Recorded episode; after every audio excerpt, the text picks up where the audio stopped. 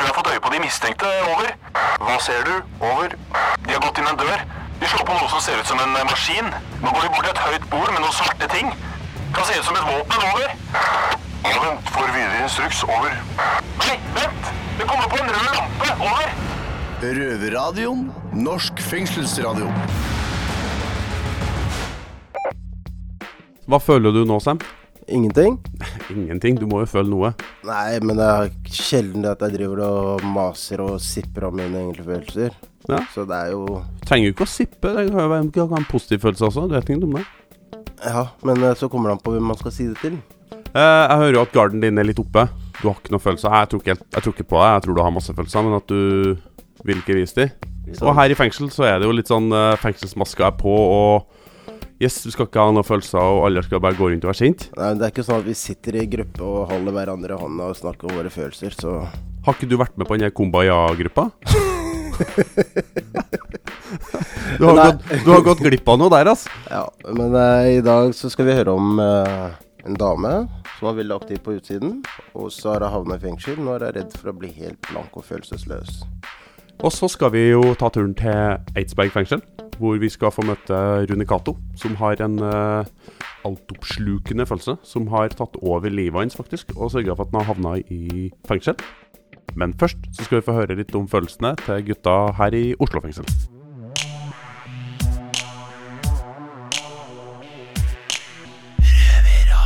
Yes, det er Kristian fra Oslo fengsel, Røverradioen.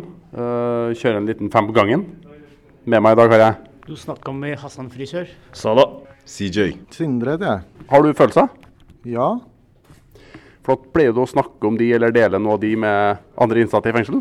Mm, Ikke så veldig mye, men øh, jeg driver litt med meditasjon og sånn, så jeg pleier å deale med de selv, egentlig. Nei, ikke egentlig i fengselet. Det er litt vanskelig å snakke om følelser, fordi du kan ikke tulle med følelsene dine når du sitter inne i fengselet. i hvert fall. Alle har følelser, har man ikke? Ja. Pleier du å dele de følelsene dine med andre innsatte, eller? Nei, ikke akkurat. Ikke akkurat. Nei, jeg tenker det er ikke vits i å drive og snakke om uh, følelser og sånn her inne. Altså. Eh, hvorfor, tenker du at, uh, hvorfor tenker du at det er greit å ikke snakke om det her? Nei, jeg ser ofte sånne folk som driver og er på følelser og ah, livet er dritt og ditten og datten. Jeg tenker bare stram deg opp. Det er ikke vits i å snakke sånn her. Nei, altså For meg følelse er frihet. da. Så, så lenge du er i fengselet, så det er vanskelig å snakke om eh, følelser. Fordi det blir ikke så mye følelser her i fengselet. Det eneste du tenker på, bare er friheten.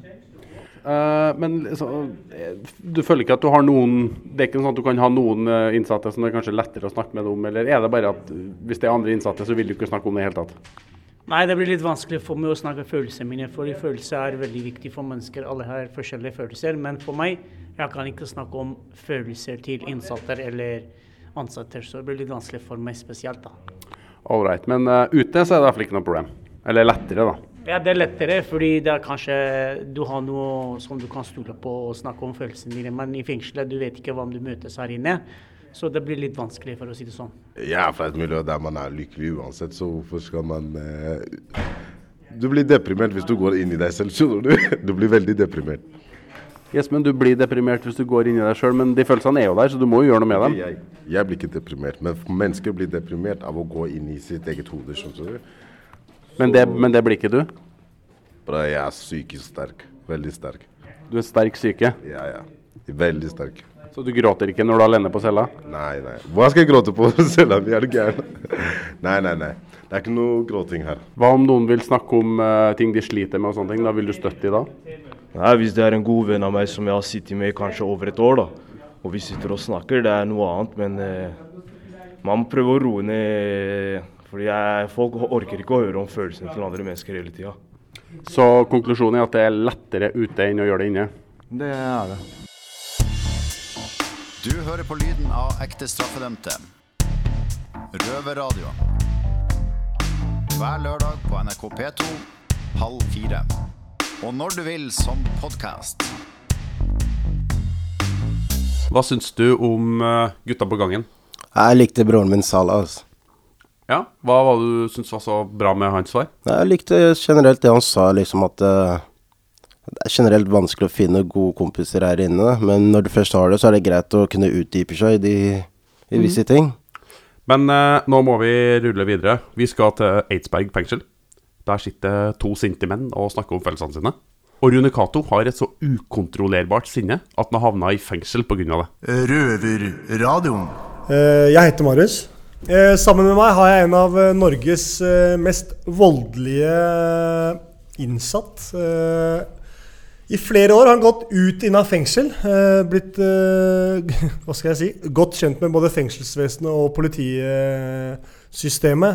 Eh, Alle organiserte eh, grupper innenfor politiet.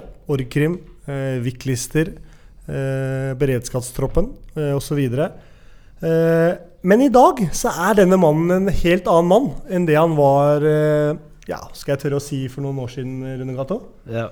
Ja. Det er jo ikke det hemmelighet at jeg var ultravoldelig person. Altså, jeg var det mest Altså, jeg var så følelsesmessig avstumpa at liksom Uansett følelse, så klikker jeg. Altså, det kunne skje meg noe bra, ikke sant? så klikka jeg, mista fattelsen. For altså, alt av følelser. Jeg takla ikke det hele tatt. Altså, ble Jeg takla ikke alt, alt bare som jeg måtte kjenne på, da klikka det for meg. Da ble jeg ultravoldelig og sånn.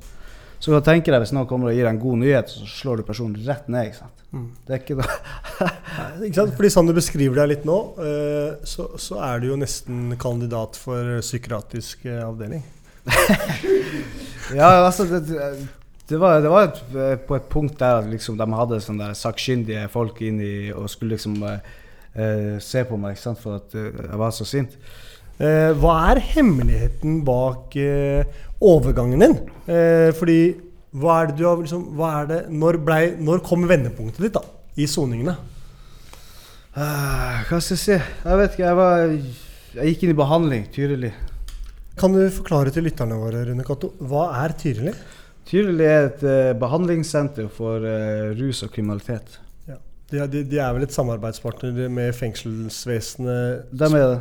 i spesielt Oslo, litt nå i Eidsberg. Ja. Og det, nå, nå går vi inn på litt touchy greier. Jeg, Det det. jeg, jeg tar meg rettigheter. Eh, du, mista, du mista din ekskone, Gjorde det. eh, og du gikk i behandling. Ja. Eh, føler du at det er det som var vendepunktet ditt? Det var vel det. Selve hendelsen at du mista noen som sto deg så nær? Eller, eller, eller var det liksom selve Tyrili-biten som gjorde noe med deg? Det var tydelig biten som jeg vil si definitivt gjorde noe med meg. Men eh, jeg gikk inn i behandling, var tydelig i ett år. Og mens jeg var i behandling og my prata mye med psykolog, og sånt, fant liksom en rød tråd. Liksom begynte å huske hele livshistorien min. Mm. Og da liksom I den prosessen der så kom jeg i kontakt med høres liksom fucka ut, med, Nei, nei. med følelseslivet mitt. da Mm. Og lærte liksom å, å kjenne på følelser, for at sinne er jo en følelse. Ja, når du blir glad, det er en følelse. Er du lei deg, det er en følelse. Alt er bare en stor jævla fuckings følelse. Så jeg lærte liksom at ok, kjenne på den følelsen. Og kommer det tre-fire følelser samtidig, så lær å øh, og du, altså, du vet hva den følelsen gjør med deg, i stedet for at jeg bare går av skaftet. Ja, du finner en balanse. Ja. Ok. Eh, når du kom inn på Tyrili, Ja. så var du på ditt eh, verste, Rune Gato. Mm. Eh, fikk du en slags aha-følelse? Altså? Altså, hva var det som liksom um, Ja, hvordan ble du møtt, da? Altså, liksom, altså, ikke sant? eh, Altså, jeg ble, møtt på en ganske bra måte, men du vet, når jeg først gikk inn der, så var jeg liksom du var jo ikke rehabilitert da du kom dit. Nei, det var jeg ikke helt. Jeg var liksom ultrasint runde. Men det jeg ikke skjønte, var at jeg hadde en sånn mimikk, altså en utstråling som eh, gjør veldig alle, altså alle i rommet rundt meg sant, følte jeg så utrygg på meg. Jeg visste jo ikke det. At jeg hadde liksom en sånn utstråling så, så gjorde folk veldig, veldig nervøse. De sa jeg var helt svart i blikket og sånn. Men i hvert fall så, etter jeg hadde vært der eh, noen måneder, sånn, så begynte jeg å bli veldig kjent med de som jobba der. og sånn. Det var spesielt en episode som be bemerka seg hos meg. Da begynte jeg faktisk å gråte etterpå. For hun, hun var så snill mot meg hele tida. Liv heter hun. Jobber på Tyrli. Hun var så jævla snill mot meg hele tida. Hun forsto meg sånn. Hun har vært en røver tidligere òg. Ja. Vært ute i, i game og sånn. Og vi connecta på en veldig bra måte da. Men jeg visste jo ikke at min karisma, altså min, min mimikk og min utstråling gjør, påvirker folk på en skikkelig dyp måte. Og det visste jeg ikke. for at når jeg ble frustrert, ikke krangla litt med kjerringa på telefonen og sånn, og, og, var, og så hadde, husker jeg sånn der, de hadde Vival til meg, sånn der, jeg kunne ta for å roe meg ned. ikke sant? Og så kom jeg bare inn og så jeg bare, jeg, jeg trenger noe for å roe meg ned. ikke sant? Så gikk vi opp på det medisinrommet, skulle jeg få utdelt. ikke sant? Jeg visste ikke at hun var så redd. Altså Hun sto skalv inni seg. Og jeg sa bare, jeg bare hei, gi meg det, jeg må roe meg ned, ikke sant? for jeg tror jeg skulle klikke. ikke sant? Og, bare, og så fikk jeg en pille av meg, så gikk det sånn to-tre minutter, så bare boff, gikk trykket ut av kroppen. For jeg føltes ut som noen helte bensin på meg, tente fyr på meg. Sånn utstråling hadde jeg, og det føltes sånn inni meg. Men i hvert fall, så etter det her så gikk jeg ned og ro, var, begynte å roe, ro meg ned. og liksom Så fikk jeg høre av, uh, av uh, hun Liv etterpå, kom og prata med meg. Så jeg fortalte hun liksom hvor redd hun var. Hun sa hun hadde aldri grinet noen gang og aldri vært så redd noen i sitt liv. For hun har jobba i den stiftelsen i 30 år og jobba med så mye. For at når hun sto der liksom og knakk sammen og gråt og sa at hun ble så redd, det gjorde noe med meg. For jeg visste ikke det. Jeg, jeg trodde hun forsto meg og så meg på alle mulige måter. Vi forsto hverandre og så. Men hun var så redd meg når hun sto der. Hun bare ga meg medisin med håp om at jeg skulle roe meg ned. Og da skjedde det et lite klikk oppi hodet på meg som fikk meg til å liksom begynne å tenke på åssen andre folk ser meg. Ikke, ikke, ikke, ikke bare meg sjøl. Da begynte jeg å tenke liksom, hvis, jeg speile, hvis jeg skal speile meg sjøl, åssen inntrykk gir jeg til personen som sitter over, eller jeg prater med nå, eller sånn. Og, og, og akkurat det der påvirker meg, for hun betydde veldig mye for meg. Hun var der når kona mi døde, og sånn, vært der hele tida for meg. Men at hun skulle stå der og være redd, og hun begynte å grine og var helt nervesammenbrudd etterpå, det, det gjorde noe med meg. Så, eh, så det endra meg faktisk. Da ble, fikk du, hva kaller, hva kaller vi det ordet, Eh, speilreflektert? Altså at, eh, ja, at du så egentlig hva påvirkelsen Ja. andre mennesker ble. Og det var sånn der, jeg- var sint liksom pga. situasjonen jeg hadde prata i telefon. Og det liksom eh, knakk i dama som har jobba i 30 år, liksom aldri vært redd nå.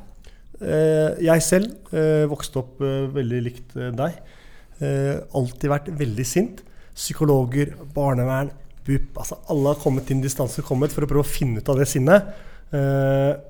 Det måtte jeg klare å finne ut av selv. I, min, I mine tilfeller så var det mye sinne rundt min oppvekst, foreldre, svik, som, som bare fulgte etter meg. Og, og som, bare, som gjorde at jeg blei, som du også nevnte tidligere, eh, blei bare et produkt, en, en ressurs for det kriminelle nettverket, med at du brukte aggresjonen din. Ja, Eh, absolutt. der kjenner du deg veldig igjen. Det, det, altså, det var, jeg var jo den eh, ultimate personen for alle sammen. Det var bare å ringe Rune. Så bare Men har du noen gang tenkt over, eller har du noen gang fått svar for deg selv hvor sinnet ditt kommer fra? Altså hvor det stammer fra? Ja, sånn egentlig den er litt dyp. Sånn, ja, det er på det, Sinnet har vært me- mer på meg sjøl. Sinnet på deg selv? Ja, rett og slett på grunn av um, Ting skal ikke være som det. Altså, før så ga jeg ikke kjenne på ting, men nå som jeg kan kjenne på ting, så er det kjipt. Alt er liksom, altså, det er jo ikke bra at ting er som det er og vært som det har vært, og, og alt det her. ikke sant? Men Nei, jeg vet da faen. Altså Jeg var vel sinna på mamma og pappa, da. Ja. Ja, jeg- jeg Nei, jeg vet ikke. altså, Det var dypt, var vanskelig. Ja, jeg, jeg ser den. Altså, når du har gjort så mye faenskap, ikke sant, og du har vært og, og du har banka når du starta, begynt med det gjelder narkotika, du tar litt her, tar litt der, og så, og så, så har du fått betalt sant, for å dra og skyte en kar i foten, og så har du gjort de her tingene. og Du har vært og stukket øyet på han, og, og, og du har vært og gjort de rana der og de brekka der og alt sånne her ting, og du, du blir adrenalinjunkie. ikke sant? Men til syvende og sist, altså Du ikke lar deg sjøl kjenne på at hei, det, det er ikke noe kult å stikke ut øyet på han Kjell. ikke sant? Det var ikke noe kult å skyte i foten på han Gunnar. Nei, men altså sånn, de følelsene, Man, man sperrer seg sjøl så langt inne at liksom Man blir følelsesavstumpa. Det gjør deg til sinna menneske. For at når du da kjenner på følelser i senere tid, så blir du veldig sint. Og, og det er liksom mer, mer du går i det her, jo mer sint blir du.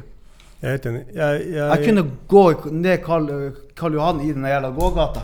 Altså folk 20 meter unna meg trakk unna, for jeg hadde den utstrålinga der jeg kunne gå. Altså, jeg er ikke store gutten. Men liksom, folk, altså, de bare så åssen jeg gikk. De bare trakk seg unna. Altså Jeg kunne stå og ringe på døra hos folk. ikke sant? De begynte å skjelve og helt nervevrak og skulle betale og gi meg biler og båter. og alt så? Bare de så utstrålinga. jeg hadde. Sånn derre Ja, det, er, det er jo litt sånn øh, Vi smiler jo godt nå, begge to, øh, når vi snakker om følelser. Det er jo litt sånn hysj-hysj. ikke sant? ja. skal ikke snakke så mye om følelser. Men, men det er en jævla viktig del. Altså, Eh, er viktig del, altså, Skal du ha selvkontroll og være selvbeherska person, så må du, må du kunne håndtere følelsene dine og, og i hvert fall kjenne på. For at sånn som du, altså jeg, jeg jeg, jeg gikk ut av Tyrli, så har jeg ikke vært ordentlig sint siden. Altså, De tok fra meg sinnet mitt. På grunn av at de ga meg den nøkkelen til å liksom låse opp i det greiene og lære å kjenne på det. Blir jeg glad, jeg blir glad. Blir jeg lei meg, jeg blir lei meg, liksom. Og tør, å kjenne på følelser. Nå er det jo, nå er jo tobarnsfar. Eh, nylig bakt eh, pappa også. Gratulerer igjen. Ja, takk skal du ha. Eh, jeg vil jo også sikkert eh, tørre å si at det Jeg har jo barn selv. Eh, det har jo gjort noe med deg, det òg, tenker jeg. Eh, følelsesmessig. Ja, absolutt. Eh, du blir jo roligere. Nå har jeg kjent deg noen måneder her eh, i Eidsberg. Eh, og jeg vil jo si at jeg, jeg kan tenke meg hvordan du var tidligere. Men jeg, jeg kjenner jo deg på en helt annen måte. Du er jo en utrolig rolig, hyggelig mann. Så- som er veldig engasjert, og viser også engasjement i de tingene du blir engasjert i. Altså At jeg ble kjent med meg sjøl, holdt på å si. Altså, jeg, før jeg kjente ikke meg sjøl, jeg var bare et, et verktøy for alle andre. De peka meg i en retning, og jeg kjørte bilen min gjennom husveggene deres, og liksom Her er jeg, ikke sant. Men nå er det, nå er det Altså Når jeg, når jeg, når jeg ser eh, en ungdom da, eller sitter her i fengsel og møter en på 18-19 år, så ser jeg han har, akkurat samme problemer som jeg hadde. liksom, Jeg er sint, utagerer hele tida. Bare fuck deg, kom her, opp i trynet på folk. Jeg ser jo det mega. Han er jo helt altså, følelsesmessig avlukka. Altså hvis, hvis, hvis den guttungen der, eller den personen der liksom lærer å håndtere de følelsene han sitter på, og liksom har blokkert seg altså Du sperrer deg sjøl inne i et fengsel. Mm. Og hver gang eh, da det banker på døra, så er det liksom en følelse som banker på døra. Og det Så det er liksom eh, Følelser er, er noe dritt. Det er noe dritt, men vi trenger dem. Ja, absolutt. eh, Jeg er glad for at jeg har greid å, å komme meg så langt som jeg har kommet nå. Ja, bra. Så- Poenget er eh, vi, vi, vi blir jo veldig følelsesmessig kalde med åra eh, når vi holder på med den type kriminalitet som vi Ja. har holdt på med i alle år. Og det, og det er Eh, en stor jobb å, løsne opp. Det er en stor jobb, og jeg tenker jeg husker eh, når jeg fikk sønnen min for uh, ni år siden Eller ikke jeg, men da han kom til verden i hvert fall. Uh, så husker jeg sa til meg selv at uh, For da, da, da, var det første gangen jeg gråt sånn ordentlig. Eh, og så ble jeg sånn jævla frustrert. Hvorfor gråter jeg nå? Altså, hva faen? Ja, jeg, skal, jeg skal jo være glad. Altså, Hvorfor griner jeg? Stram deg på. Uh, men, men, og så begynte jeg å få litt kontakt med følelser. Men jeg, jeg husker at jeg var møtt med meg sjøl med sånn hva faen gjør jeg nå? Jeg holder en liten gutt, og så tenkte jeg bare Hæ? Uh, jeg, det, det er helt uvante følelser. da. Jeg er vant til ja. bare hardt regime. Null følelser. Uh, Bore knær. Uh, ikke sant? Du, du, du går som en vandrende drapsmaskin dag Fra du våkner til du legger deg, så er det bare vold, vold, vold. vold, vold, vold, vold. Um, så det, det er jo Det er en del av hverdagen. Det samme skjer jeg fikk eh, dattera mi og sånn. Da, da ville jeg endre meg, ikke sant. Eller begynte, så står jeg med ungen i armen og begynner å gråte. ikke sant? Ja. Og, liksom, og så i tillegg så visste jeg det. Jeg må være en forbanna skyggepappa. Jeg kan ikke være, gå i barnehagen med dattera mi. ikke sant? På grunn av, altså, jeg kan ikke gå på gata med barnevogn med dattera mi pga. samfunnet kommer og forteller meg at det her får ikke du lov til. Ja. Men, men, og det gjør meg til sinna person igjen. Men det er det som fikk meg til å gjøre endring. Det er vel det du òg tenker? har- Helt riktig. Der er vi en ganske lik historie, begge to. Helvetes unger. Ja. Så, så hva skal vi si, da? Eh, da vil jeg si konklusjonen vår er egentlig at flere folk burde ta, ta de riktige valgene i løpet av soninga si, og kanskje ta kontakt med, med forskjellige etater som kan tilby behandling. Eh, fordi behandling er jo bra. Det funka jo på deg. Absolutt. og det er liksom Du kommer inn på et behandlingssted, og de som jobber der, de kommer ikke og liksom Hei, vi skal jobbe med deg. Men det var så, så tydelig, ikke sant. Så har du liksom 30 elever der, ikke sant, sånn som meg. Og så har du kanskje 40 stykker som jobber der. Og liksom, du, jeg kan ikke se forskjell på den som er innlagt der, eller de som jobber der. For alle er helt like, altså som sivilt kledd, og folk behandler deg som et jævla menneske. Og det er veldig viktig, det. At liksom, de, de, de behandler deg som et menneske, og til slutt du lærer å være et menneske. I stedet for å være et udyr som jeg var. Uh, ja, Rune Cato. Uh, jeg ser at du ble veldig engasjert. Det ble litt dunking og vifting med armer eh, under eh, praten vår. Ja, det er litt, hva kan man skal si, vanskelig Det er, det er jo et dypt, dypt tema. Skal Ja, ja, vi, prate vi, om vi på- går under huden på hverandre, og det blir jo følelsesmessig. Altså, det, uten tvil. går under huden på hverandre, det, jeg tror ikke det er helt meninga. ja, men, jeg, men jeg, jeg kjenner liksom pumpa begynner å slå, og man begynner å tenke Yes. liksom alt det man har gjort. Så er liksom, altså, må reflektere litt sånn kjapt det, er, over det. Det, det er faktisk rehabiliterende i seg selv, det vi driver med nå. Ja, jeg vet det. Det er særlig Så virkelig. Jeg setter pris på praten. Tusen takk. Takk, takk for meg.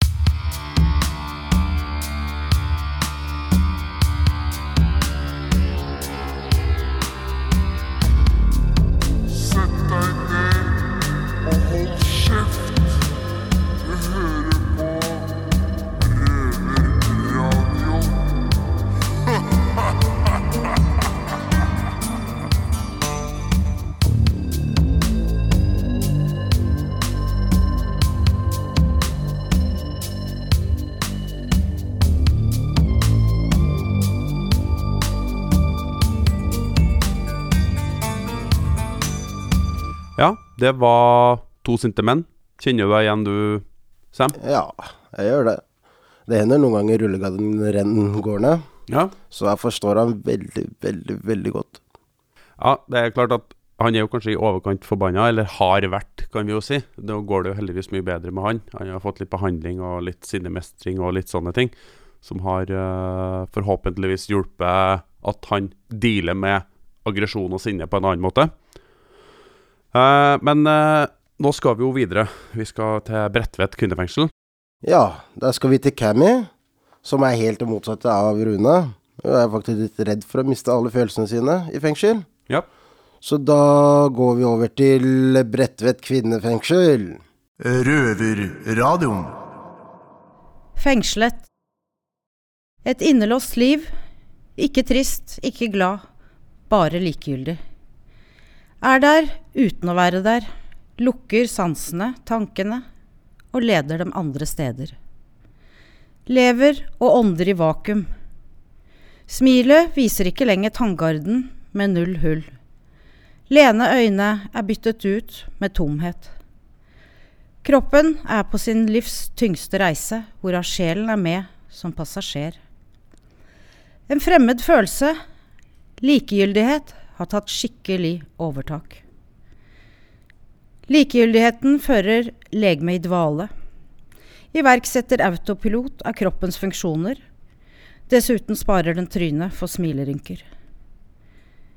Likegyldigheten tas imot med åpne armer.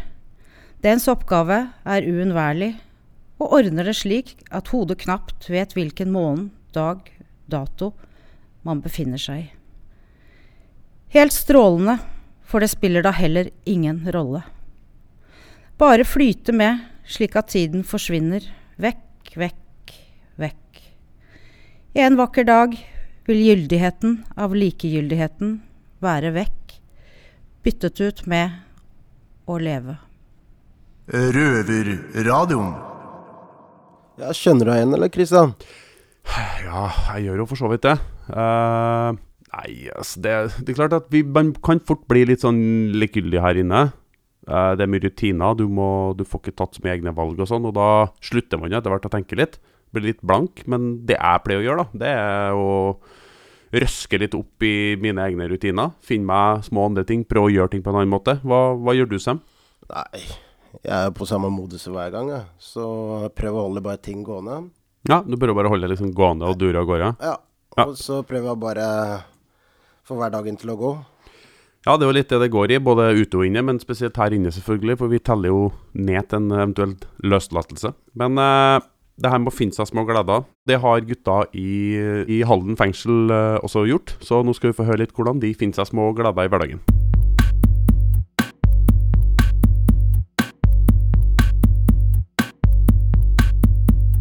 Uh, ja, jeg heter Christian. Uh, skal fortelle om en liten glede jeg har hatt i fengsel, og det må vel være på et besøk jeg hadde for ikke så veldig lenge siden av mamma, mormor og morfar. Da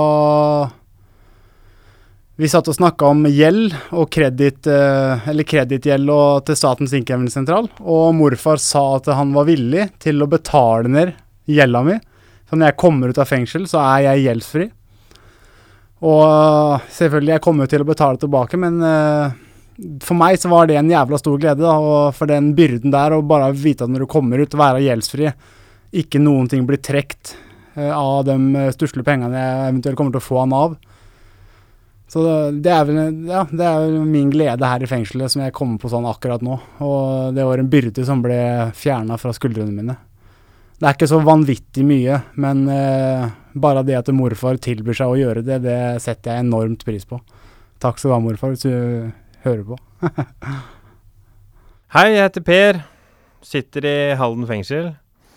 Og jeg skal fortelle om en liten glede jeg har hatt her i fengselet. Det var når jeg kom hit på innkomstavdelingen. Jeg meldte meg på gitarkurs, og jeg fikk aldri lov til å være med på det gitarkurset. Det tok jo tre måneders tid, tenker jeg, jeg, til jeg fikk beskjed om at eh, nå skal du ned på Criminal Records, der vi står nå, og gjør sending, og ha gitarkurs.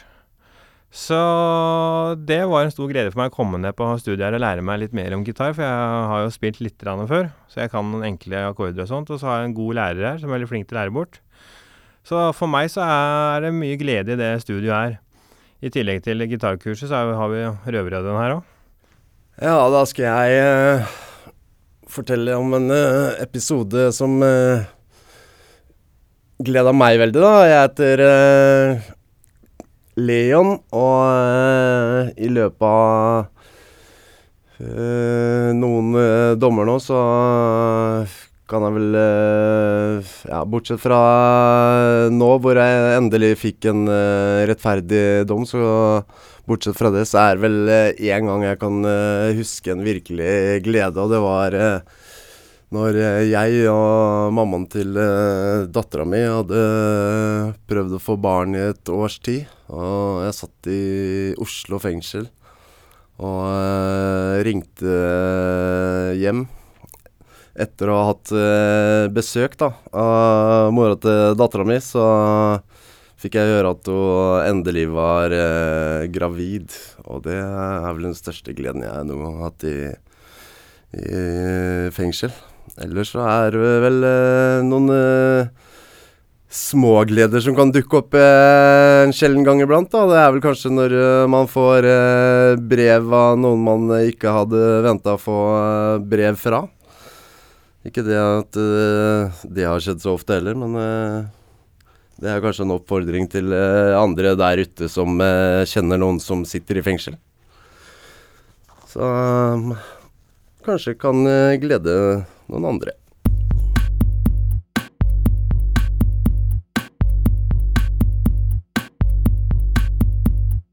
Tro det eller ei, men uh, som dere hørte nå, det er faktisk masse glede i et fengsel også. Hva som gir deg glede, Sam? Jeg må nok si at uh, på tirsdager for Tirsdager? Da kommer, ja, da kommer handlevarene, og så kan du spise godt den dagen. Ja. Og så Du ja. spiser jo godt hele uka, for du handler jo såpass mye. Ja. Skal Ja. ikke si noe på det. Men hva gir deg glede? Du, det som gir glede hos meg, er egentlig masse småting, men uh, spesielt kult er fredager. Da er det jo bibliotek. Jeg liker å lese. Men det er bra. Ja. Men det er jo ikke alle som finner disse små gledene Nei. i fengsel. Vi skal møte Christian i Eidsberg fengsel. En annen Christian, ikke meg. Han snakker om depresjon og sine tanker rundt det her. Eh, det er jo sånn at eh, mange sliter jo med det i fengsel. Og vi ser jo annet at eh, selvmordsraten og en del andre ting i fengsel er mye høyere enn den er på utsida. Ja, men det blir sånn når man er innelåst såpass så lenge at man surrer litt i tankene sine. Og det kan gå så dypt at det ender på det verst tenkelige måte. Men nå setter vi i hvert fall over til Kristian på Eidsberg.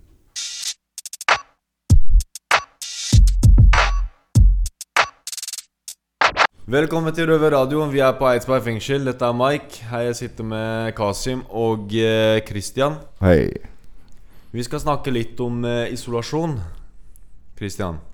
Ja. Du har blitt eh, isolert. Du har vært, iso vært isolert. Kan du Det- fortelle litt mer eh, rundt om det? Eh, ja, så jeg ble jo da tatt i en litt større narkosak. Uh, var i fengselsmøte og ble dømt da til FIS. eh, fullstendig isolasjon. Kan du forklare litt om forholdene rundt eh, isolasjon? Mm, ja. Nei, jeg ble, fikk da fullstendig isolasjon én måned. eh, Oslo fengsel. Ja. Etasje. Det er en liten celle, da, som de andre cellene, egentlig. Eh, dette var sommeren. Det var varmt. Um, du våkna klissvåt eh, av svette. Du kunne vri opp dyna di. Eh, det var som å sitte i en eh, pizza, pizzaovn. Eh, uten klokke. Jeg hadde ikke TV, ikke radio, ikke noe å lese på. Ikke noe sosialt. Eh, 23 timer på cella, hadde en time luft i fugleburet, som det heter. På taket på Botsen. Hvordan, hvordan var hver- hverdagen din? Hvordan var rutinen din? Hvordan ja. Nei, rutina var eh, ja Sitte i senga. Svette. Eh, dyna var klissvåt. Puta kunne du vri opp. Eh, ja, etter hvert så var det jo mye duer da, i området der. Så jeg begynte å presse brødsmuler ut av de små hulla som er i gitteret. Uh, hvor da duene kom etter hvert og begynte å spise. Uh, det fortsatte jeg jo med uh, ja, hver dag, egentlig. Ga du dem navn, eller kjælenavn? Kjæledyr?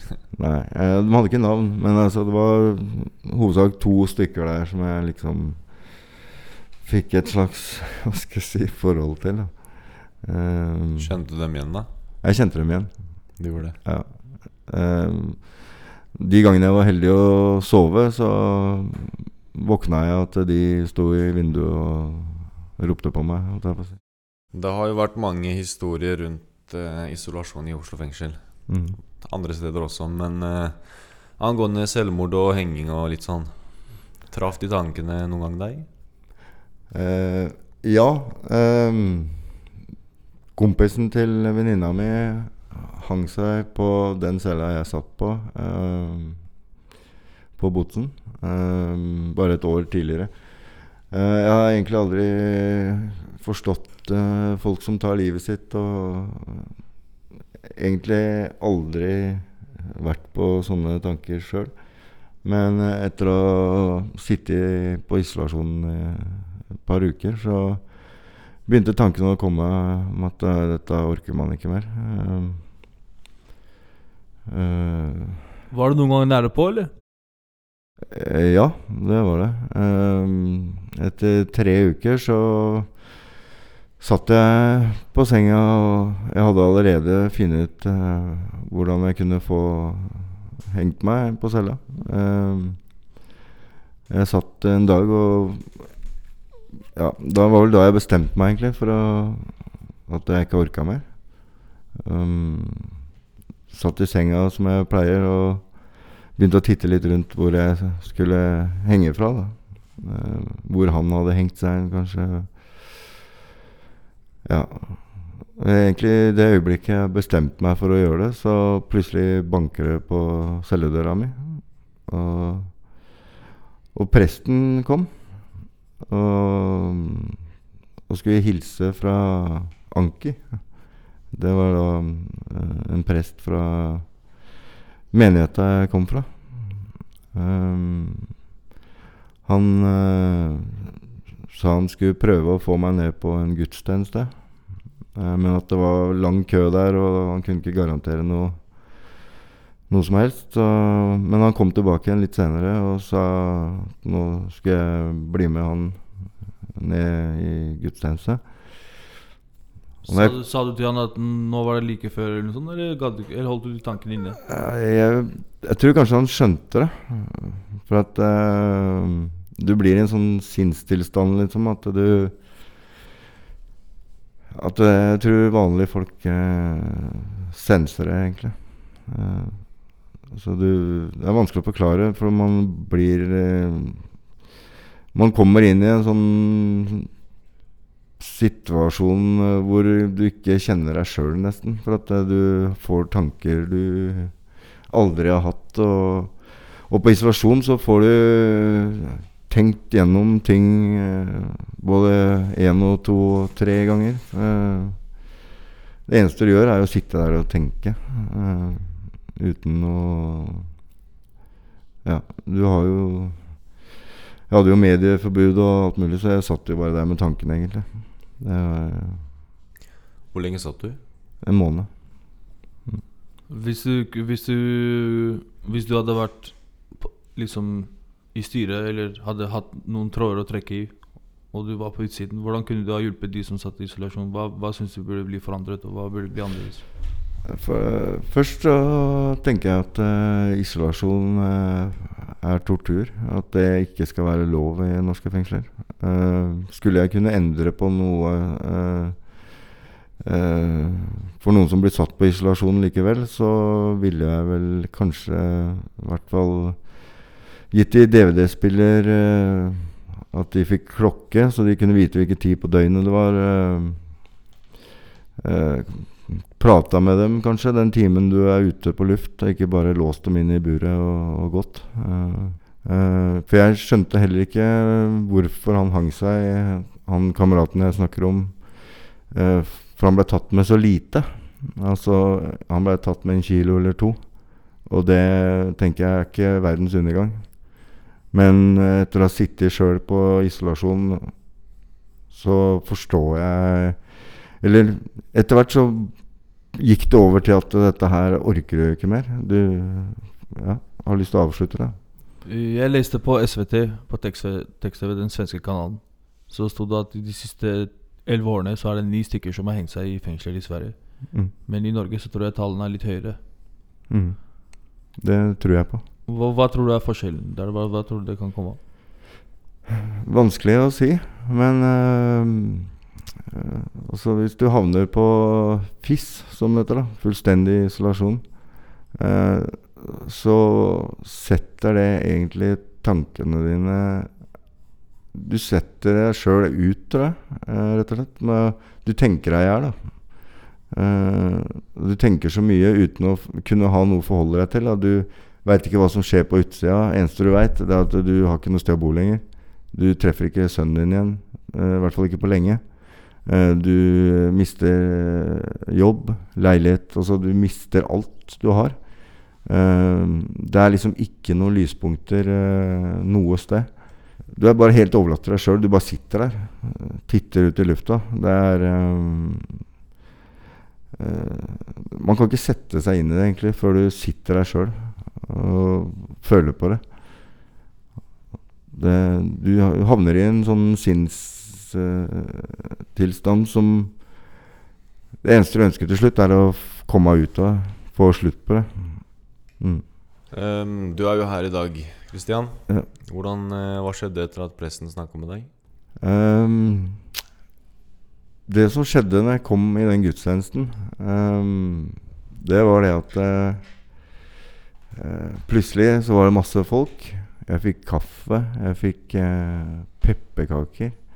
Eller småkaker. Ehm, uh, og jeg følte vel at uh, hele gudstjenesten dreide seg om meg, da.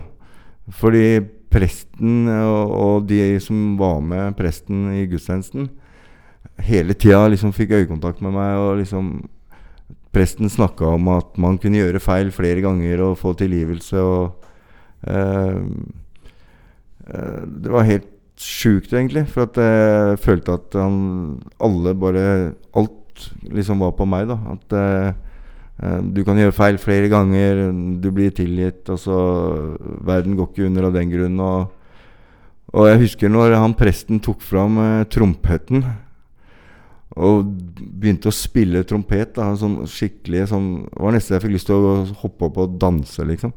Eh, han spilte en sånn glad tone. da. Sånn Jeg vet ikke. Jeg tror kanskje det er det nærmeste man kommer å se lyset, da, hvis man kan si det sånn. Uten at eh, jeg så noe lys, da. Men eh, det, plutselig inni meg så fikk jeg bare livsglede igjen, da. Jeg fikk lyst til å Eller plutselig, for første gang faktisk i mitt liv, da, så begynte jeg å se framover, da. Hva jeg kunne gjøre nytt. Eller hva jeg kan gjøre framover, da, for å komme ut av en dårlig situasjon. Jeg fikk plutselig eh, framtidsplaner, hva jeg skulle gjøre når jeg kom ut. Eh, jeg skulle slutte å ruse meg. Jeg skulle ja, begynne et nytt liv, da. Og akkurat det øyeblikket der, liksom, den fjerna alle svarte tanker jeg hadde. Eh, plutselig så jeg håp, og jeg følte liksom at jeg levde igjen, da, på en måte. Eh, selv om jeg visste jo alt, eh, alt det negative som har, eh, som har skjedd og sånne ting, liksom. Men jeg så på en måte en vei ut av det, da, som jeg så lys på. Nei, takk til deg, Kristian. Vi avslutter her. Takk for samarbeidet ditt. Takk for historien. Takk til Kasim. Takk til meg.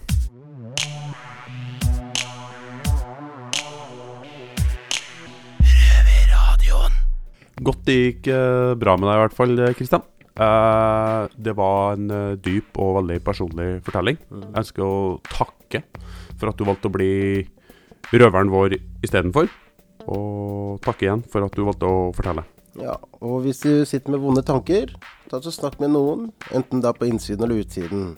Ring hjelpetelefon Mental Helse 116 123. Ja, dagens sending har jo vært en eh, berg-og-dal-bane av følelser.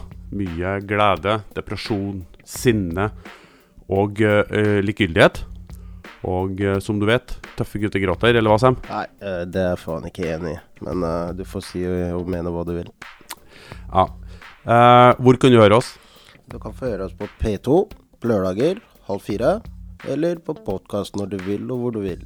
Yes. Hva skal du etterpå, Kristian? Du, etterpå så skal jeg lage en quiz, faktisk. Vi skal ha quiz en eh, dag her. Har du Med masse fancy premier. Så jeg skal lage den etterpå. Det er planen min. Jeg gleder meg. Hva skal du gi? Hva jeg skal? Mm. Nei, nå skal jeg gå og spise og sove. Spise og sove. Ja, men ikke det verste. Snakkes. Peace out. Det har vært stille fra over en time. Hva skjer? Over. Det er bare et radioprogram. Det er lettere å høre på dem der. Over. Ja, vet du når det går, da? Over. Det er samme tid og samme sted neste uke. Over.